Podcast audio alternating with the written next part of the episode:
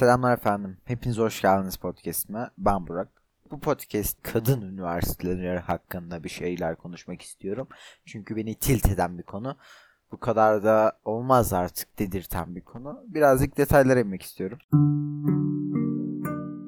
Öncelikle bu fikir Sayın Cumhurbaşkanımız tarafından hazırlanmış bir planda bulunmakta.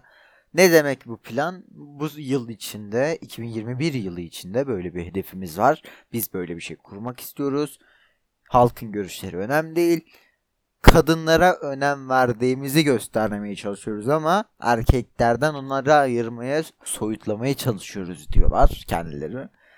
Şimdi bu konuyu biraz daha ele almak istersek bildiğiniz gibi kadın meslek liseleri, kız meslek liseleri de geçiyor zaten böyle şeyler var. Tamam hadi bunları ayırıyordunuz zamanında.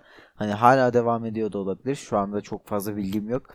Ama bunlar halkı veya herhangi bir toplumu geriye iten şeyler.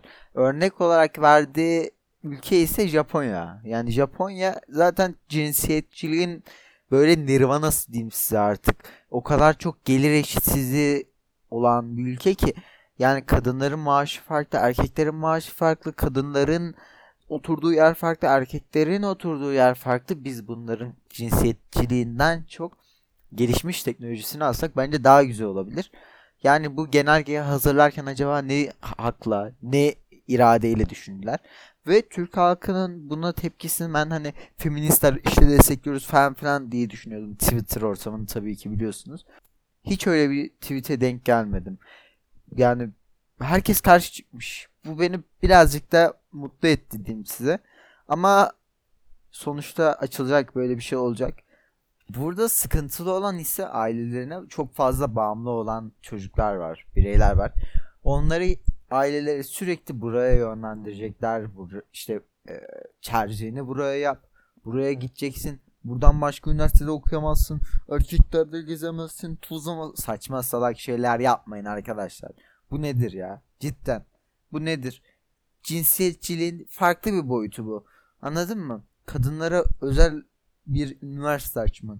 o zaman bundan sonra erkek üniversitesi de olacak. Kadın üniversitesi ayrı, erkek üniversitesi. Bunlar ne? Biz böyle bir toplum muyduk?